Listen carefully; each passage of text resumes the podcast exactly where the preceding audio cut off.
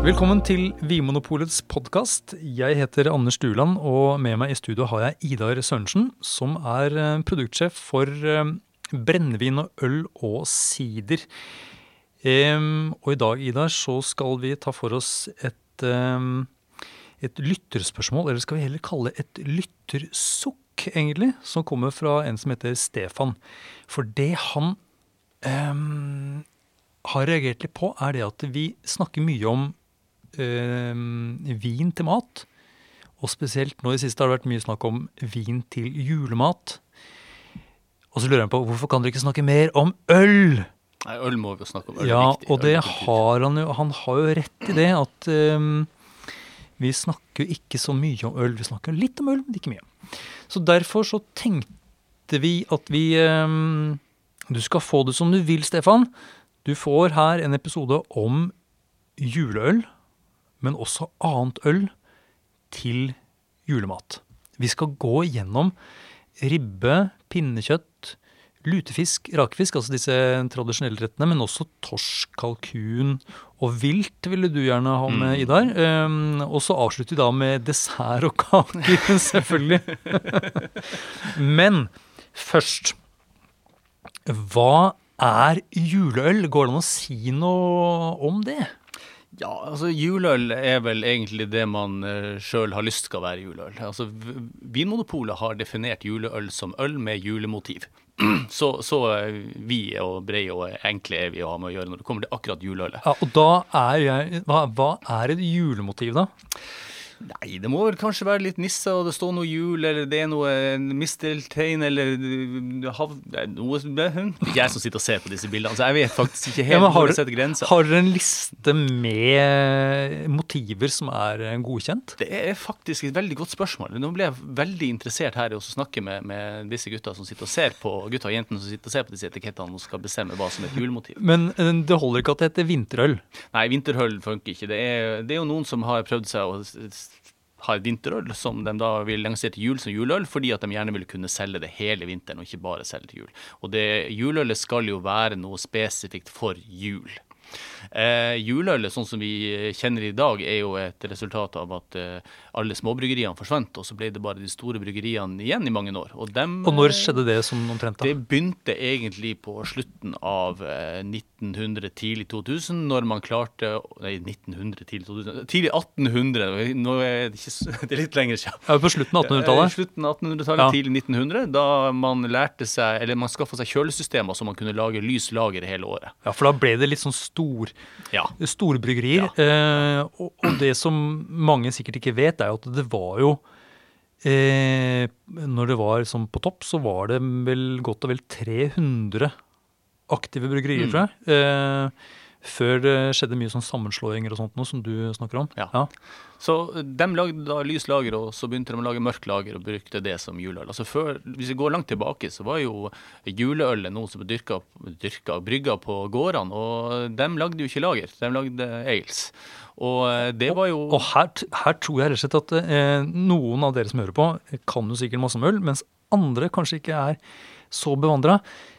Eh, du sier da lager, Mm. eh, og, men det var det ikke alle som brygget. Eh, er det da det man kaller for jeg vet, altså Noe som heter unngjæret og overgjæret øl. Hvis vi sier det veldig enkelt, bare Ja. sånn, så kan vi si det at en, en pils f.eks. Det er en type lager. Da har du overgjæra øl, som er lagra eh, Undergjæra øl som er gjæra med, med lagergjær. Og så har du da disse andre som, som eh, er lagra gjæra overgjæra, og eh, bruker da forskjellige ale-gjærsorter. Så det er liksom det er gjæra som avgjør egentlig hvilken type øl du lager.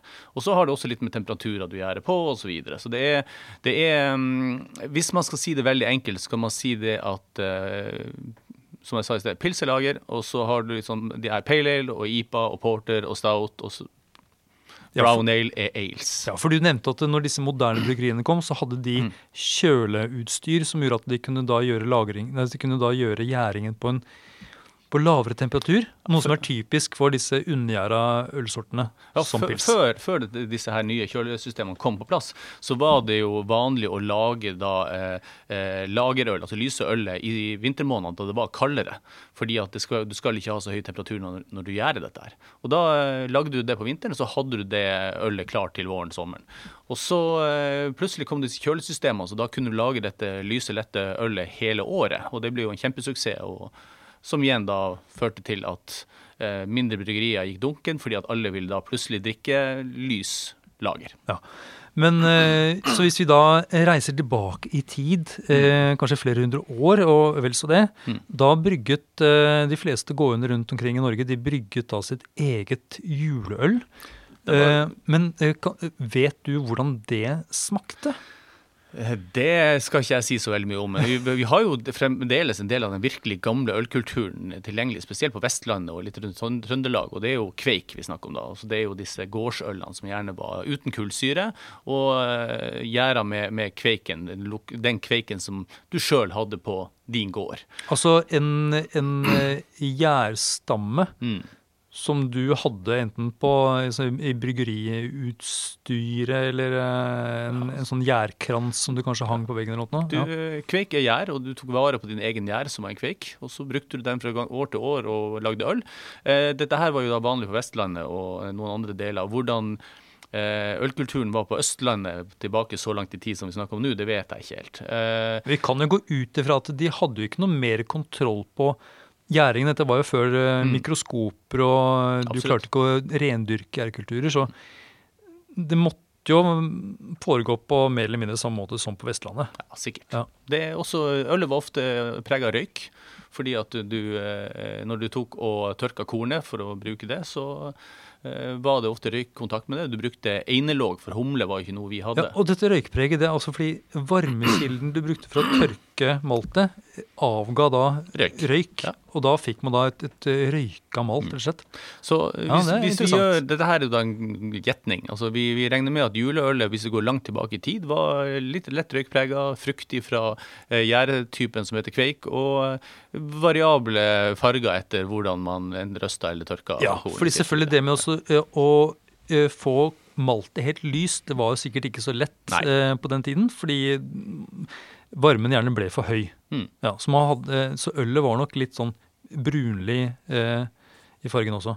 Så et fruktig øl eh, uten så mye kullsyre, eh, og med et lite røykpreg, Ja. og noe litt sånn karamellisert maltpreg.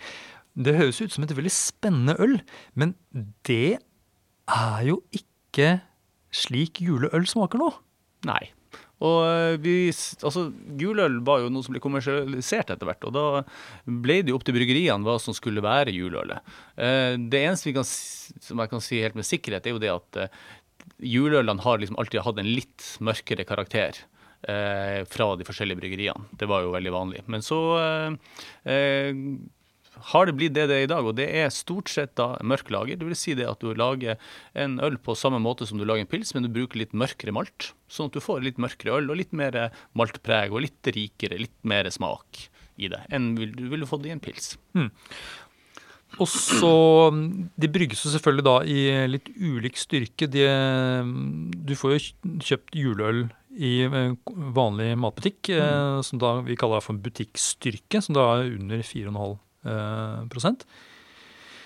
Eller er det 4,7? Ja, 4,7. Under Ja, beklager. Eh, og så er det da de som da er over 4,7, det må man da på Vinmonopolet eh, for å få tak i. Eh, men mange av disse lagerjuleølene, de, eh, de er jo brygget på litt høyere alkohol enn 4,7. Er, altså man lager jo, det har jo også med oppdelinga av hvordan det er Vi har ølsalg i Norge, akkurat som du sier. Noe er på butikk, og noe er på Vinmonopol. Så da vil jo bryggeriene lage noe de kan selge på Vinmonopolet, og noe de kan selge i butikk. Eh, Jeg syns også det at det er litt fint å ha juleøl på litt høyere eh, alkohol, fordi at ofte er jo mye fett, og det er, er litt sånn kraftige smaker i mye av den julematen. Og da hjelper det med litt mer alkohol for å matche de smakene. Ja, nettopp. Ja, for det er jo ofte sånn at det er litt mer konsentrasjon gjerne i øl med høyere alkohol også, fordi du, bry, du bruker jo mer malt for å få Mm. eh, høyere alkohol. Vet du eh, forresten om altså, eh, disse bryggeriene som eh, både lager for salg i vanlig, altså i butikk, eh, sånn type rundt 4,5 da, og høyere eh, prosent, brygger de bare ett øl, og så vanner de ut, eller hvordan gjør de det?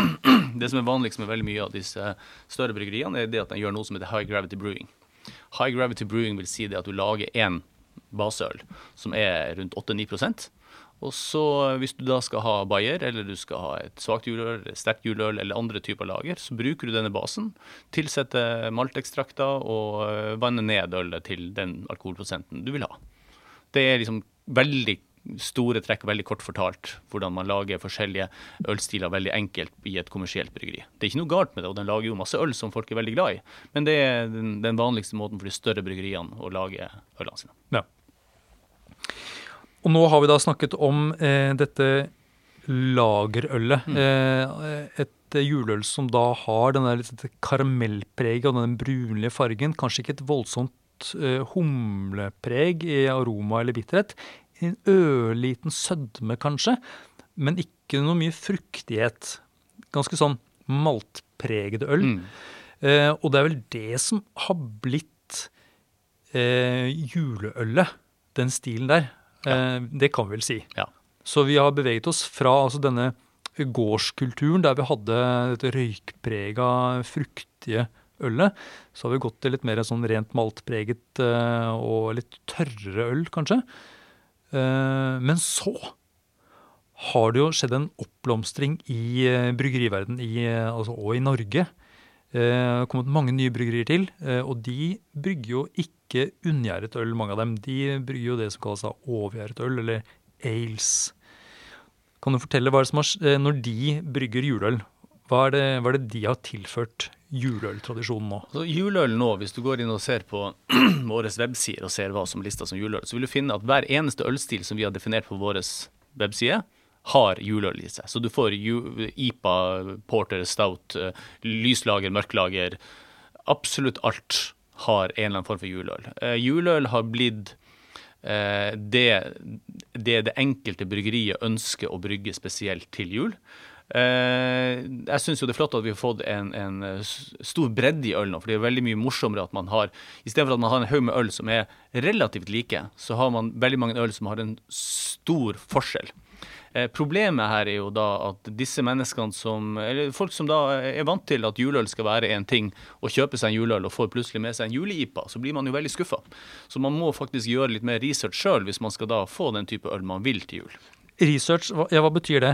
Research, undersøkelser. Ja, jeg skjønner. skjønner. Nei, altså Men det- hvordan gjør man, altså er det, Skal man lese foran på etiketten, bak på etiketten, eh, spørre noen i butikk, eller på en måte hva er det lure Altså for det første så kan man se litt på eh, Hvis man går på websiden vår, så kan man se på eh, hvilken ølstil det er lista under. Fordi at alle eh, ølene som er i vårt sortiment, er lista med en ølstil. Så da kan man gå inn og se om dette her er en mørk lager, som er det mer kommersielle juleølen, eller om det er en juleipa eller en julestout. Og det som også har forandra seg veldig når det kommer til eh, juleøl, det er at juleøl var ofte noe man forbandt at det skal man ha til julemiddagen. Nå er juleøl også noe man skal drikke. Man skal ha en kvadruppel eller fatlagra stouts eller sånne ting. Så man skal drikke én øl og kose seg foran peisen og ligge på isbjørnskinnet og vifte med tærne og ha det deilig. Eh, Så det er, eh, juleøl har blitt så mye mer enn bare matøl. Mm. Og eh, det gjør jo også til at, at Kort fortalt, du har egentlig de samme ølstilene som før. Du har bare juleetikett på dem, og så velger du den ølen du har lyst på, og så kan du velge den ølen du har lyst på med en juleetikett. Men jeg har jo lagt merke til altså noen eh, eh, Og det er jo noe som øl... Eh, altså bryggeriene gjør generelt. De eksperimenterer veldig mye. Mm. Eh, og jeg, jeg har jo sett det at når, de, at når de lager juleøl, så strekker de strikken. Eh, og det er ofte at de tilsetter ting som man kanskje tenker ikke er så vanlig å ha i øl, men som har noe med jula å gjøre.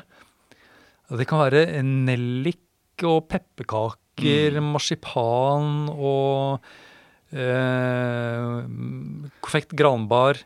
Altså Sikkert eh, nisselur også. Vet, altså det er jo ingen grenser, men det er, jeg ser at det er mye sånt også, at man putter mye rart oppi ølet som har med jul å gjøre. Ja, altså det, jeg tror det at det er morsomt å eksperimentere. Eller jeg tror ikke, jeg vet at det er morsomt å eksperimentere. Og eh, ølkunden, også spesielt den, den veldig fokuserte ølkunden som eh, gjerne bare drikker én øl én gang og vil prøve nye ting hele tida, vil prøve mye rare ting. Og jul er ingen unntak for det. Så disse her ølene her eh, som du prater om nå, er vel kanskje ikke for den kunden som gjerne vil ha et veldig godt glass øl til eh, ribba eller pinnekjøttet. Dette her er for den som vil eh, smake nye ting, tikke opp på Untapped, og syns det er morsomt å drikke pastry stouts osv. Så, videre. så det er, det er Jeg tror det også er en del forskjellige kundegrupper man er ute etter når man ser på disse eksperimentelle juleølene og mot da en klassisk eh, kommersiell juleøl. Ja.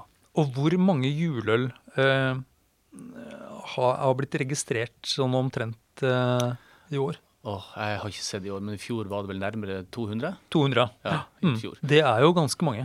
Ja, og det er jo eh, ikke alle disse norske heller. Vi har jo fått juleøl fra, fra Belgia og eh, Tyskland og Danmark og Sverige og Storbritannia, og det er jo veldig mange importører som tar inn juleøl fra utlandet også. Ja, for det er interessant.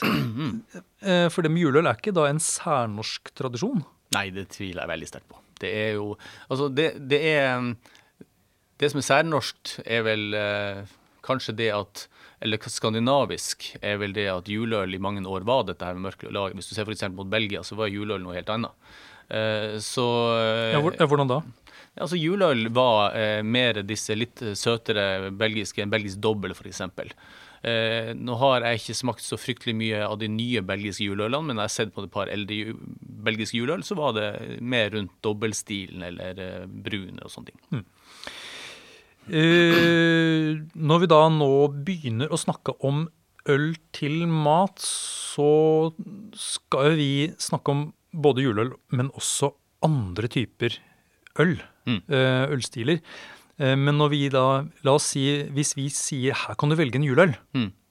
eh, da eh, kan vi si det sånn at da prater vi om den tradisjonelle, moderne juleølen. Altså ikke den, eh, ikke den utrerte med mye Kommersielle mørke lageren. ja, ikke den med mye humle, eller den med masse pepperkakekrydder, eller uh, veldig mye alkohol. Jeg har jo sett at noen uh, juleøl de er helt oppimot 20% i alkohol. Og da tenker jeg det Det er jo øl som kanskje ikke er det mest matvennlige, hvis jeg kan si det på den måten. Det tror jeg nok du har helt rett i. Ja.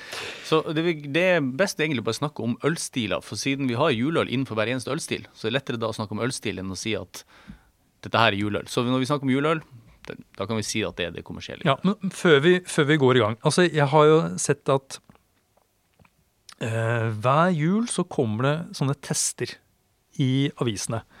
Hvor mm, terningene kastes, og så, og så, og så eh, drar man da ut i en butikk, og så peker man Jeg vil ha det ølet der som har fått terningkast seks. Hvor viktig er det eh, for at det skal smake godt til julematen, at du velger eh, det undergjæra eh, juleølet som har fått terningkast seks, eller det undergjæra juleølet som har fått terningkast fire eller fem? Hvor forskjellig er de i stil? Altså det, er jo, det er jo forskjeller på, på eh, disse juleølene vi snakker om nå også. Men eh, jeg tror det at når det kommer til maten, så er det ikke Der tror jeg vi skal snakke mer om stil enn produsent når det kommer til hva som passer best.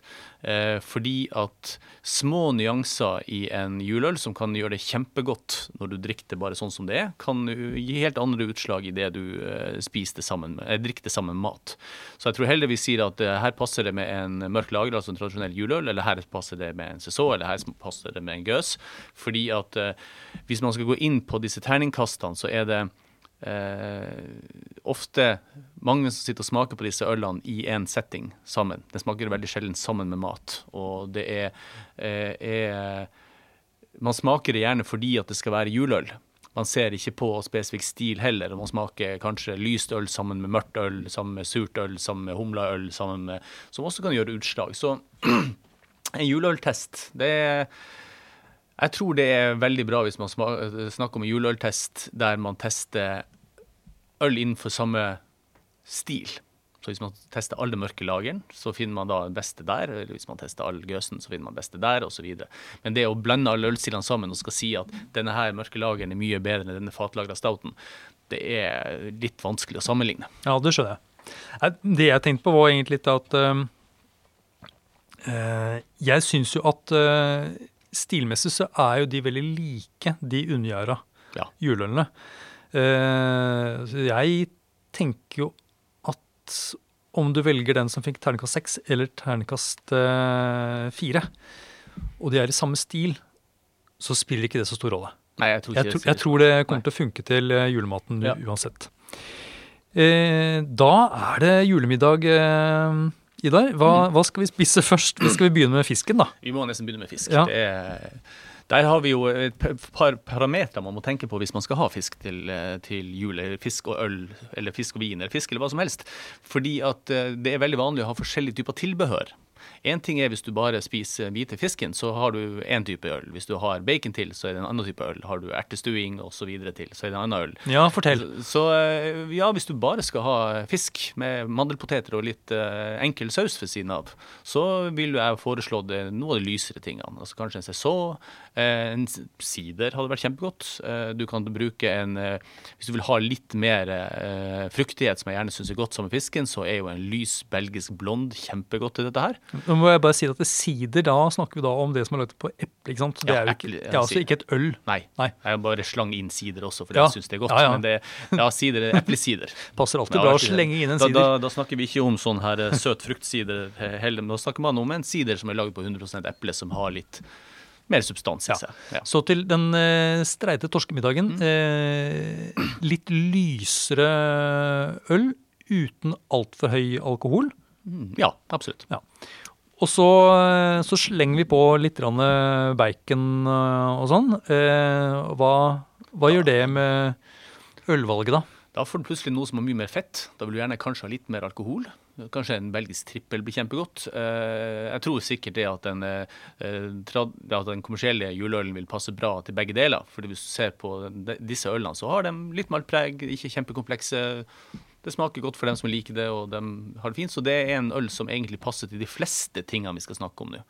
Eh, Men eh, jeg ville jo da hatt, som jeg sier, mer fruktighet og litt mer alkohol. altså Brown ale for eksempel, hadde vært kjempegodt med en gang du har litt bacon.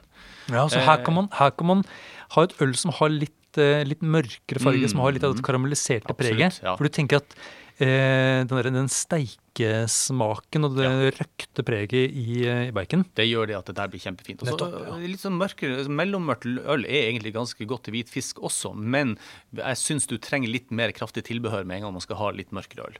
Og den høyere alkoholen. For hvis ikke så kan du risikere at du får et øl som slår i hjel fisken. Altså du rett og slett eh, eh, overdøver den. Men Så- kan vi, ja, kan vi si at eh, torsk med bacon og, og sånn blir litt det samme som lutefisk? Ja. Ja. ja. De er ikke så langt, de er ikke så langt fra hverandre? Nei, der spesielt lutefisk er jo eh, Er det jo mange som sier at ja, det er jo tilbehøret som gjør lutefisken spesiell. Så hvis man har brunost eksempel, til, eh, som mange har til, til lutefisken sin, så er jo det også Igjen ville jeg valgt en litt mørkere øl og kanskje litt mer alkohol, for det er jo også ganske mye fett. Mm. Og da får man også inn sødme også? Ja. ja. Lutefisk er godt, da. Ah, Å nei, ok. ah, ah. Jeg har, jeg har jobba i oppvask i to sesonger på luftfiskrestaurant, så jeg klarer ikke luftfisk. Men det er noe meg igjen. Hvor er du fra opprinnelig? Tromsø. Du er fra Tromsø, ja. Ja. Så nå skal jeg ikke drive reklame for barer, så jeg skal ikke si hvor jeg er. Nei, nei, nei. nei. Ok. um, det er jo én fisk som vi har glemt, og det er jo rakfisken. Rakfisken, som, ja. som egentlig er en ørret. Ikke sant? Det vet jeg Det er vel som regel ørreten som blir raket. Man kan vel sikkert rake andre fisker Jeg har spist så mye rakfisk og aldri tenkt på over hvilken fisk det er den bruker. Så, Har du ikke det? Nei, jeg har faktisk ikke Men du har sett at den er rosa. Ja, det har jeg sett. Ja, Og da, hvilke fisk er det som er rosa? Det, det, det Ørret og laks og sånne ting, men Ja. laks er det vel ikke. Nei. nei, da må det bli sånn kjemperakfisk. så, så, Kan, kan man ha brukt røye? ja, familierakfisk. Eh, røye går sikkert bra. Mm. Visste du forresten at piraja tror jeg, det tror jeg faktisk er en laksefisk? Piraya? Mm. Wow. Raket piraja. Vet ikke helt. Mm. Mm, Jeg har hørt at piraya skal være godt, Ja. men jeg har aldri spist Ok, Men drikke til eh, rakfisk For, fordi nå har vi fjernet oss fra fi, vanlig fiskesmak. Mm. Nå, Jeg liker å kalle rakfisk for fiskens svar på eh, upasteurisert brie. Det var, var ikke det bra? Ja, Der vil jeg ha litt øl med litt sødme, syns jeg. Jeg syns f.eks. en god kellerbeer hadde vært godt der. Det, altså, det er jo en- igjen en eh, Du får jo kellerbeer som både lager og ales, eh, men den ale-varianten som er litt mørkere men det er eh, ikke veldig mørkt? Nei, det er sånn, ikke veldig, det er bare litt, litt, litt mørkere. Mm. Eh, Det er ikke brown ale engang. Den har bare litt mer sånn gyllen farge. Og uh, ofte et uh, stort sett et ufiltrert øl som har mye smak. Rakfisk smaker mye. Uh, du har det raka preget som gjør at litt søtere øl er godt. Så jeg syns da Kellerbeer kunne være kjempegodt. En Cézot tror jeg også kan være kjempebra, hvis du ikke tar en Cézot som er spontanfermentert, men mer bare en som har veldig mye sånn gjærpreg fra Cézot-gjæren, så hadde det sikkert også vært veldig godt. Nå er jo sesongen tørrere, men jeg tror den fruktigheten fra sesongen hadde passa veldig godt her. Ja. Og så er kan jo ha en liten friskhet også, Mm. som eh, Generelt så har jo øl ikke like mye friskhet som vin. De har jo kullsyre som, eh, som gir litt eh, syrlighet, men ikke så voldsomt mye. Eh, noen sesong de har jo da litt, litt, litt mer syrlighet. Jeg syns jo at eh, rakfisk er en, det er en salt fisk. Det er mye salt. Og da liker jeg godt å ha øl som har eh, litt sånn tydelig friskhet. Så her kunne jeg godt tenkt meg en, en gøs, da. Men da blir det jo litt sånn funky mot funky. Mm. Så da må du like dette litt øh, øh, Litt sånn lagra preget. Jeg har prøvd Asturias-sider til, til rakfisk. Det var godt. Mm. Det var Ja, for det er en frisk, veldig ja. frisk sider. Det er helt tørre sider igjen. Ja. Men hva med sånn dette tradisjonelle juleølet, da? det tror jeg helt sikkert funker her også. Du har jo en del sødme på det, som Mm. gjør at det blir fint. Eh, Det tradisjonelle juleølet er, vil gi litt maltpreg ved siden av. Det vil være helt OK og friskt. Og eh, for dem som er veldig glad i den type øl, så tror jeg det her funker kjempeflott. Ja. Ja. Ja, så For min del tenker jeg at det hadde blitt litt sånn Litt for mye av dette karamelliserte. Men kanskje hvis jeg hadde servert, servert det ølet ordentlig kaldt? At det liksom hadde dempet litt av dette maltpreget? Kanskje. Jeg vet ikke. Ja. Det går an å Eh, leke litt med temperaturen. Ja. Um, så var det da kalkun. Eh, det er jo også en sånn nyttårsrett. Og, og det er jo ikke noe eh, krise om det er juleøl igjen til nyttår. Jeg Jeg vokste opp med kalkun første juledag. Det er sånn kalkunmiddag alltid første juledag i min familie. Ja. Så det er for meg julemat. Så det har, eh, i så fall hele min oppvekst, så er det kalkun første juledag. Eh, og derfor må vi jo ta det med, fordi at mine juleminner er jo det beste. Ja. Så da må vi snakke om det jeg syns er best. Og hva var det dere hadde for noe eh, i og til kalkunene? Altså vi, Min mamma fyller kalkun med svisker og epler. Jeg bruker ikke sånn brødfylling som andre, ting, andre gjør, men epler gir veldig mye friskhet inn i eh, kalkunen, som gjør også det at f.eks. eplesider kan være veldig godt til. Eh, jeg syns eh, weissbier og hvittbær er veldig godt i kalkun. Ja, også veldig, Det er også fruktige øl, men, fruktige øl. Mm. men litt mer sånn leskende og lette i stilen. Ja. Eh, I min familie så har det jo vært da det tradisjonelle kommersielle juleølet som har vært til kalkun. Eh, Jeg tror egentlig ikke jeg syns det ølet gir så veldig mye spesielt til kalkun. Fordi at jeg syns det kalkun, spesielt sånn som jeg har vokst opp med å spise kalkun, så vil du ha noe som er friskere. Ja. Så det er vel faktisk en av de plassene der jeg ville sagt at jeg ikke ville hatt dette eh, kommersielle juleølet til. Og pils og sånt noe, det blir, blir det for skrint Altså, i, pi- i fruktigheten og maltpreget? Du kan gjerne drikke pils til, men da blir det tørsteslukker. Da får du ikke en øl som egentlig vil gi så veldig mye til, syns jeg. Nei. Og vil det sånn, kan, kan det tape litt også? At, det, at det blir at denne Vi vil ikke ødelegge noen ting. Nei, men kalkunen og spesielt stuffingen vil kanskje dominere eh, ølet, kan man si det sånn? Ja. Ja. Så Så det må være en viss intensitet, Mm. og gjerne da i form av fruktighet, da, Ja. til, eh, til eh, kalkun. Eh, så disse belgiske ølstilene, eh, ja, du nevnte hvitt, de har gjerne litt sånn ja, det er litt, eh, det er litt appelsinskall og koriander i tillegg. Jeg personlig syns jo hvitt er enda bedre, fordi at til dette her, fordi at du får eh, ikke Altså du har ikke fulgt den samme sødmen som du har i en tysk hvetøl. Men tysk hvetøl, funker også bra, det er bare min personlige preferanse. Ja.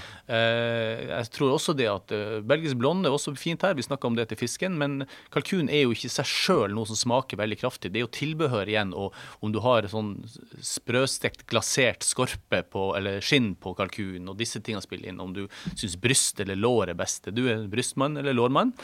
Jeg er lårmann. Ja, jeg også. Jeg liker litt mørkt kjøtt der på, på låret. Det er fint. Ok, eh, nå, nå kjenner jeg at vi må gå videre på ribba her. Eh, ribbe, det er jo min, min jul, da. Mm. Em, og vi har jo diskutert dette litt før, Idar, og du mener at det er forskjell på eh, sånn tynnribbe, som, hvor det er ganske mye fett, og familieribbe, der det Mm. ikke er så mye fett eh, eh, som i forhold til kjøtt. Mm. Eh, du tenker at her må man velge forskjellig type øl? Jeg tenker det er hovedsakelig at når du har mer fett, så trenger du litt mer alkohol.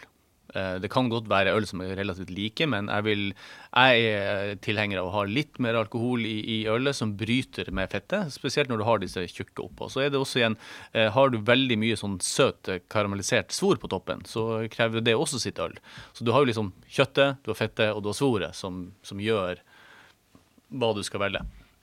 Og jeg synes jo, hvis du skal ha noe lyst, så er jo belgisk trippel veldig godt. Altså det er lys øl med ganske høy alkohol. Eh, der du får en alkohol som komplementerer kjøttet, og så har du en viss fruktighet i ølet også som, eh, som, som eh, Nå vet jeg alkoholen komplementerer fettet, ikke kjøttet. Og så får du en fruktighet til kjøttet. Eh, Du kan også fint velge litt mørkere øl. En, jeg syns Imperial Brown Ale hadde vært kjempegodt her. Altså en brown ale med, mer, med, med litt høyere alkohol og en del maltsødme. Det syns jeg er flott. Da prater jeg ikke om sånne American brown ales der du har masse masse humle, for det tror jeg ikke hadde vært så veldig fint her. Nei, ok, så her, her, eh, her kan vi på en måte klinke til med litt mer trøkk Mm. nå som ribba kommer på bordet. eh, Fordi det både er mer fett, som du sier, eh, men også denne steikeskorpa, den Mm. der maillard-effekten som Ja. er så deilig. Dette karamelliserte preget. Uh, som også maltpreget, et litt mørkere maltpreg i, i øl også, er jo, stammer jo fra den samme uh, kjemiske prosessen, altså maillard, det også. Mm. Eh, og så I tillegg så er det jo gjerne noe litt søtt tilbehør til ribba. Uh, vi pleier i hvert fall å ha noe sånn bakte eple og sånt. Og så er det surkål. og Vanlig norsk surkål den er jo ganske søt. Ja. Eh, så Og igjen snikker jeg da øl med litt mer alkohol, eller litt av dette kar- karamelliserte maltpreget, det gir den derre eh, Har både nok intensitet og litt sødme som gjør at det ikke blir liksom skrint eh, mot maten. Mm. Ja.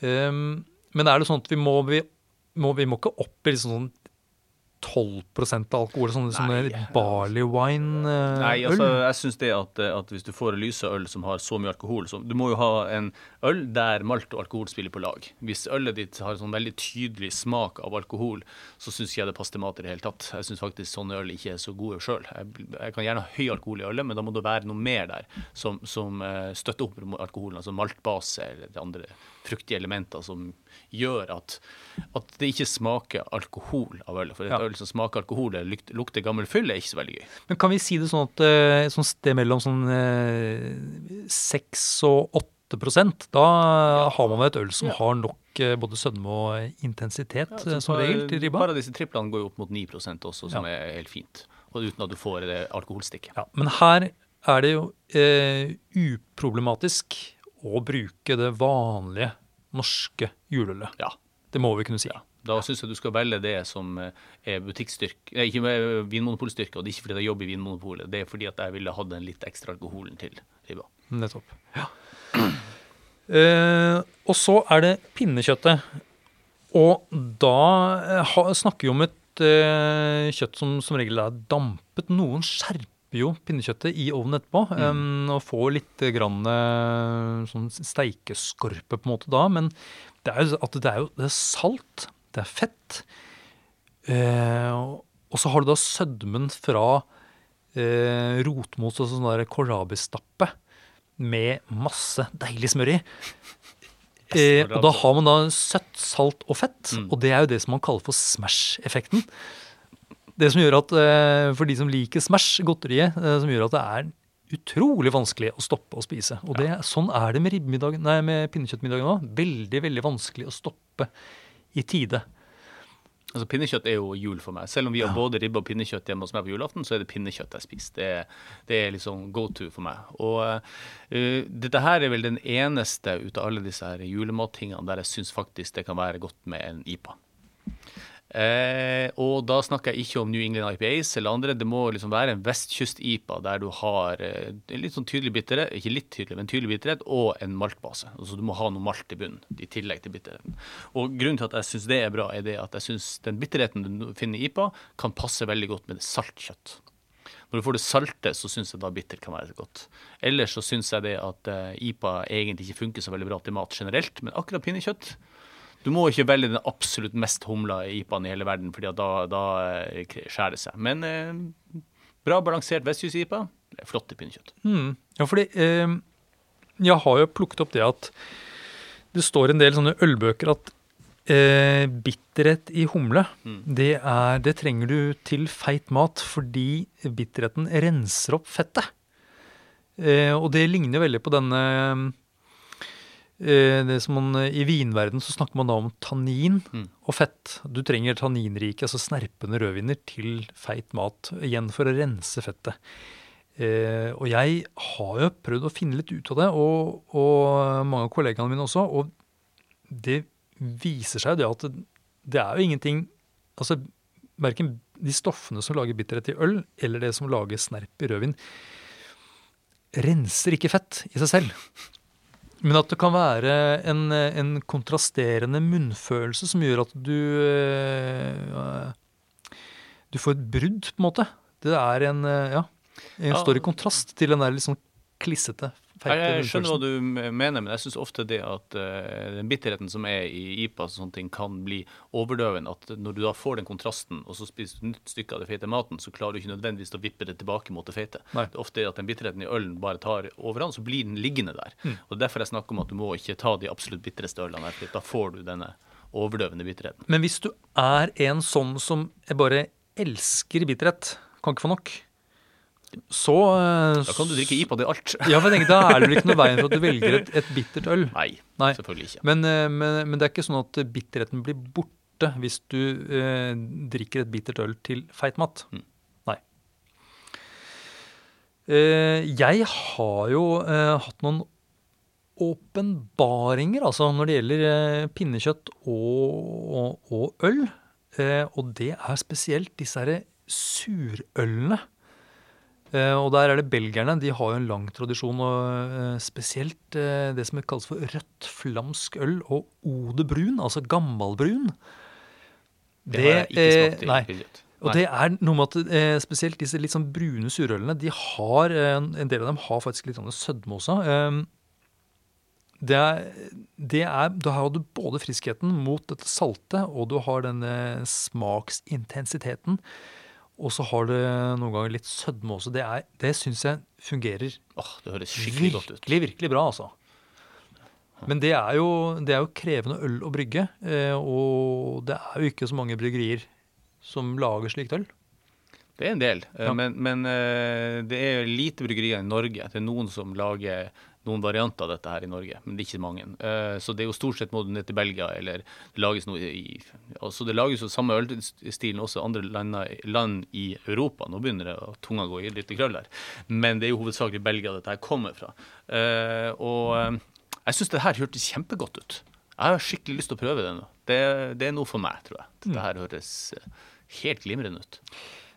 Men dette vanlige juleølet, for å komme drassende med det igjen, funker det?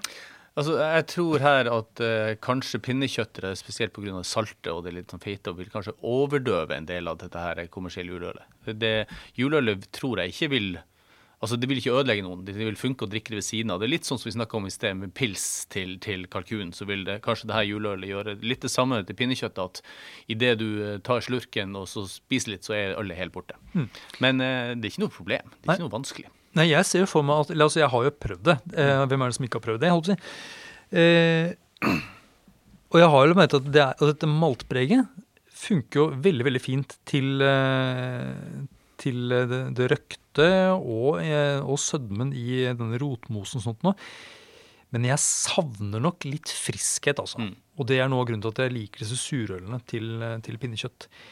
Eh, men det er klart, altså, skal du spise mm, pinnekjøtt med storfamilien, og, og folk generelt er litt bundet til tradisjon og litt konservative, eh, så er det kanskje ikke kvelden der du kommer drassende med Hei, dere skal vi prøve en Ode Brun, kanskje? Da er det Kanskje det er tryggere med det streite norske juleølet. Jeg tror nok de fleste kjenner familien sin. Så, Ja. Og så er det lov å kjøpe én øl til seg sjøl og så kjøpe noe annet til resten. Ja, det er sant. Det er jo. Og vet du hva jeg har gjort eh, noen ganger?